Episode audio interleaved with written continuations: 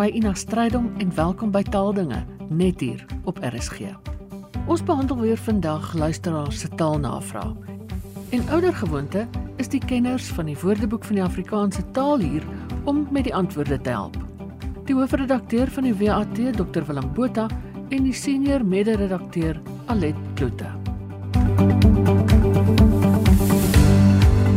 Alet Ingrid Kelfkin sê sy skryf Ek hoor mense praat van op sigself en was onder die indruk dat dit eintlik in sigself is. Toe gryp ek my Afrikaanse verklarende woordeboek en was baie verbaas om albei daaraan te tref, maar nou suk eintlik eers verward want ek kan nie aflei wat die regte gebruik is in watter situasie nie. Kan julle dit vir ons opklaar?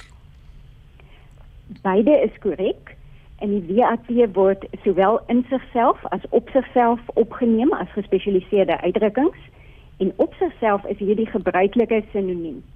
Dit het twee betekenisonderskeidings. Ons ken die primêre betekenisonderskeiding, naamlik op sy of hulle eie, los van iets anders of as sodanig.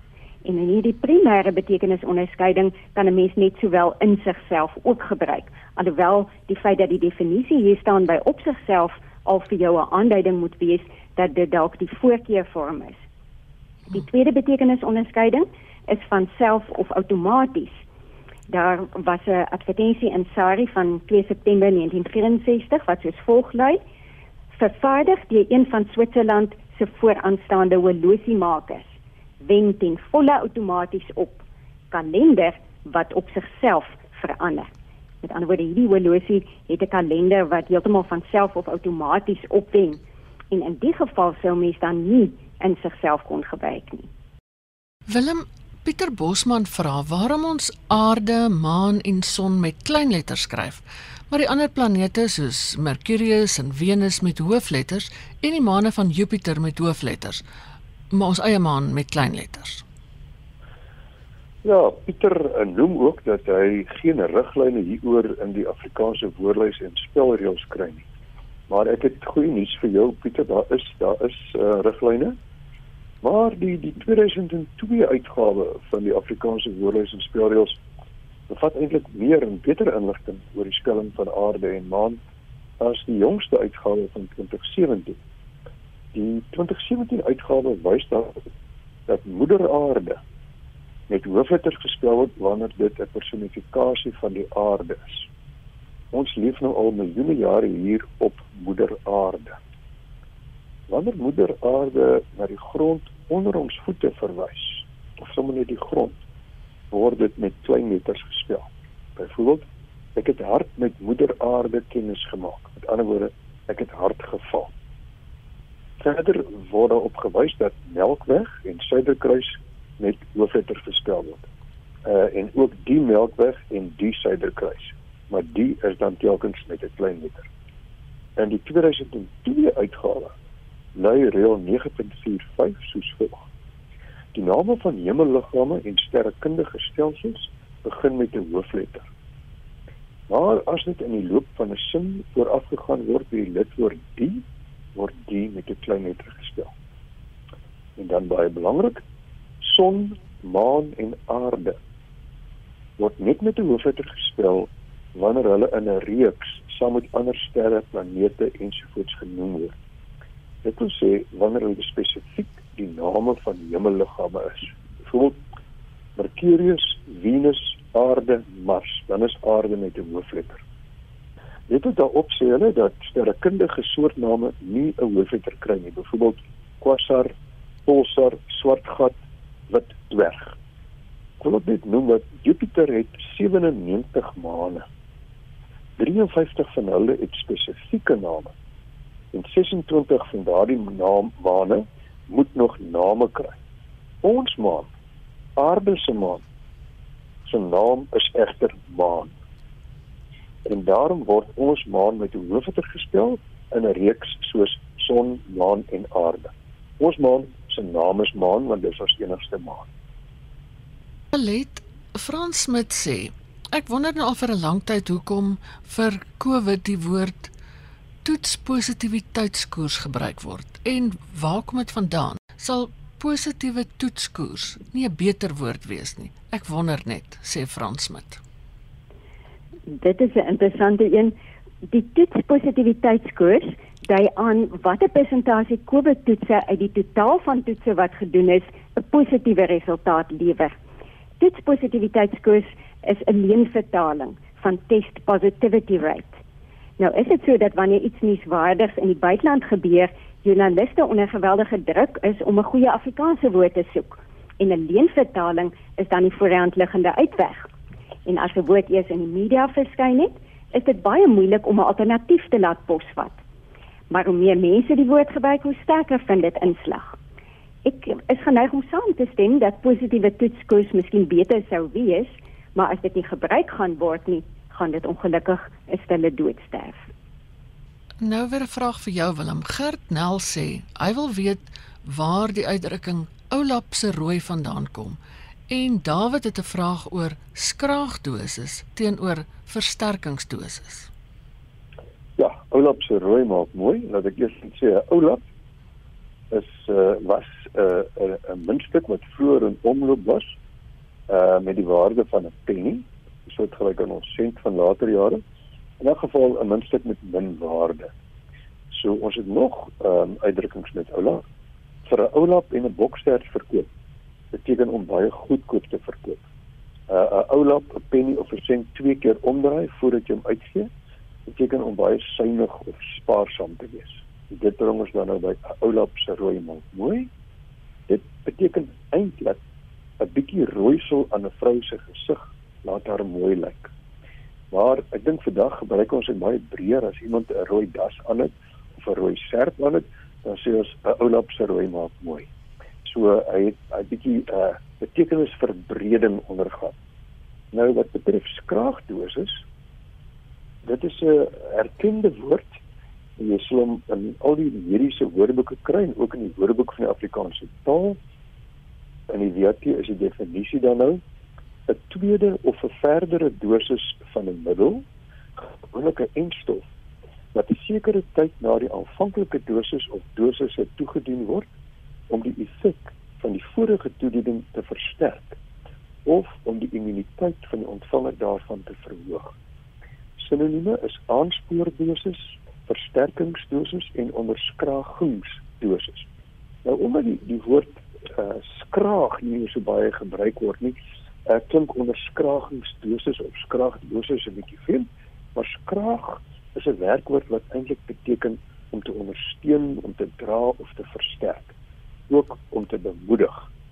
So uh, dis eintlik 'n woord wat minder gebruik word, maar skraagdosis is nog steeds 'n erkende mediese term en ons kan dit gerus gebruik. Alet Petrus skryf Ek lees nou onlangs in die koerant, die polisie het afgekom op 'n groot hoeveelheid koels. Dit kan mos nie wees nie. Verduidelik asseblief die verskil tussen koels, patrone en ammunisie. En vra sy ook, is dit reg om te praat van rondes ammunisie? Dit klink dan vir haar baie anglisisties. Ek gaan nou probeer skiet met 'n koel wat dieper as die bas deurdring. en dit is 'n ongewone uitdrukking wat beteken om 'n oortuigender argument te gebruik of jou 'n bietjie verstaanbaarder uit te druk. Streng gesproke is die luisteraar reg, want 'n koel verwys net na die voorste punt van die patroon, terwyl die patroon alles is wat nodig is om 'n skoot af te vuur. En as ons dan nou kyk na die definisies van die WAT, dan sal ons sien dat daar by koel staan gewoonlik soliede liggaam van metaal of 'n ander natuur of kunststof. En in vroeë tye was dit bolrond vergelyk hier met koelrond en later en tans silindervormig met geronde of skerp sagte of harde punt en soms voorsien van 'n staalmantel en wat dan deur 'n handvuurwapen afgeskiet word. En dan word daar 'n geselstel 'n sinoniem gegee blou boontjie en nou is die benoemingsmotief hier interessant. Boontjie natuurlik om te verwys na die die ronde vorm. Ons dink ook aan 'n loodpil wat dan uh, koel is en blou slaan hier op die blouerige kleur van die lood patroon aan die ander kant is 'n kombinasie van 'n patroondop gevul met 'n dryflading en ontsteker en 'n koel aan die voorpunt daarvan. Die patroon sluit dus die koel, met ander woorde die punt, die kruitlading, die slagdoppie en die patroondop in. Ammunisie aan die ander kant is enige stof, voorwerp of toestel soos kruitkoels, patrone, granate, bomme ensovoorts as projektiele of wat vir die aandryf van projektiele gebruik word by aanval en verdediging. Maar nou is dit interessant dat wanneer ons koel vir patroon gebruik, ons eintlik 'n spesifieke deel gebruik om na die geheel te verwys. Dit is dus 'n gedeeltelike aanduiding wat in die taalkunde as synektogie bekend staan. Ander voorbeelde hiervan is die volgende: as ons byvoorbeeld gaan inkopies doen, dan word daar vir jou gevra wil jy plastiek hê vir die inkopiesak. Of ons praat van die kroon wanneer ons die koning of koningin van Engeland byvoorbeeld bedoel. En uh daar word gepraat van Nieu-Seeland, byvoorbeeld vir die Nieu-Seelandse cricketspan. Meer onlangs in 'n dramatiese ommekeer het die Proteas die tweede toets teen Nieu-Seeland met antwoorde in die Nieu-Seelandse cricketspan met 198 lopies gewen.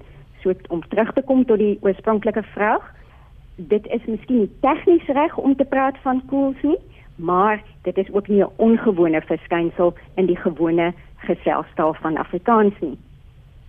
Dan vra die luisteraar ook, uh is a round of ammunition is dan die Engels sal 'n ronde ammunisie reg wees.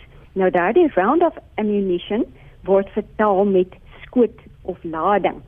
En in die VAT as een van die betekenisonderskeidings van ronde of die wisselvorm ronde word dan ook gesê enkele lading ammunisie vir 'n wapen of elkeen van die skote wat deur 'n enkele wapen afgevuur is. Ek sou reken dis beter om te sê skoot of lading in die geval in plaas van ronde van ammunisie of dan nou net bloot ronde of ronde. Of dalk sommer net ammunisie of patrone of so iets. Dis reg. Ja. Dis reg. Willem, Pieter wil weet waarom gebruik ons nie meer die benaming vallende siekte nie, maar eerder epilepsie?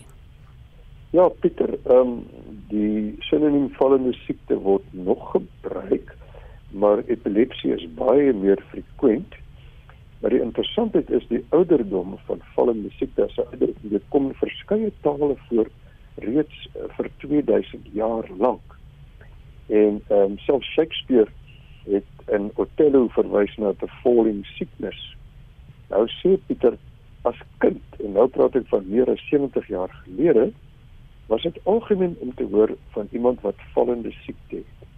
Vandag word dit seker as polities verkeerd beskou, hoewel destyds dit nie so bedoel was nie. Nou dis baie interessant. Vallende siekte is baie ouer as as epilepsie.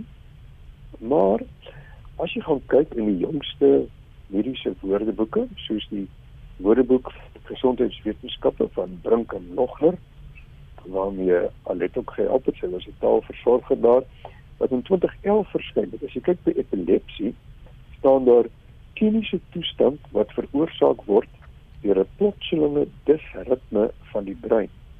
Sinoniem vallende siekte. So dit word nog steeds as 'n term erken, maar voorkeur word gegee aan epilepsie. Alet, plekname lyk dit my word al hoe meer van 'n tamaletjie. 'n Anonieme luisteraar vra: "Kan jy asseblief aandag gee aan die uitspraak van plekname wat nie reg klink nie? Ons moet dit aanpas soos Muizenberg op Engels." Nou is ek nie heeltemal seker wat die luisteraar bedoel nie. Dit was my aanvanklike probleem ook. Ek is nie seker of die luisteraar dit het teen die Engelse uitspraak van die Afrikaanse pleknaam nie. Miskien voel die luisteraar dat Muizenberg in plaas van Muizenberg nou nie lekker op die oor val nie. Meisenberg is glo vernoem na ene Wynand Willem Muis en hy het in 1743 die bevel oor 'n klein buitepos hier in die skadu van wat dan nou later as die Meisenberg bekend sou word gevoer. En teen die tyd dat die eerste Britse bewind uh gekom het van 1795 tot 1803 het Meisenberg dan nou waarskynlik Muizenberg geword binne 'n sekere uh Engelssprekende groep Op 5 Maart 2021 skryf Dr. Lawrence van die Departement Afrikaanse Nederlands van die Universiteit van Wes-Kaapland 'n interessante artikel oor die uitspraak van plekname in die Burger. Hy sê onder andere dat baie Suid-Afrikaanse plekname vir Afrikaans, vir Engels, vir draai en vir vorm is omdat Europese naamgewers nie die klikklanke of die suigkonsonante van die oorspronklike koi of nama plekname kon of wou uitspreek nie. Verder sê hy Pleknaamgewing is sedert die skepping deel van die mens en sy leefwyse. Pleknaamverandering is dan nou ook tekenend van jou dinamiese en interaktiewe aard van taal. Verder sê hy, as 'n pleknaam dan nou verander, dan gee dit mos nou vir jou die ideale geleentheid om nuwe uitsprake aan te leer en so jou taalrepertoire uit te bou. En as ek hom nou reg verstaan, pleit hy dat 'n mens miskien so na as moontlik aan die oorspronklike uitspraak moet bly. Al beteken dit dan dat jy soos in die geval van Port Elizabeth tongknopers moet aanleer. So ek sou sou reken Muizenberg is wat my betref die verafrikaansing van die Nederlandse Muizenberg miskien die naaste aan die korrekte uitspraak van Muizenberg. Willem, 'n baie aktuelle een op die oomblik, wat is korrek? Die Oekraïne of net Oekraïne en Eben Victor het dit gevra. Ja, dit is baie interessant. Eben Victor is woonagtig in Oekraïne en het natuurlik hierdie navraag gestuur voor die Russiese inval. Ek ek as hy luister want hy sê dis 'n heerlike voorreg om hier ver na RSG te kan luister. Baie dankie vir interessante en genotvolle programme.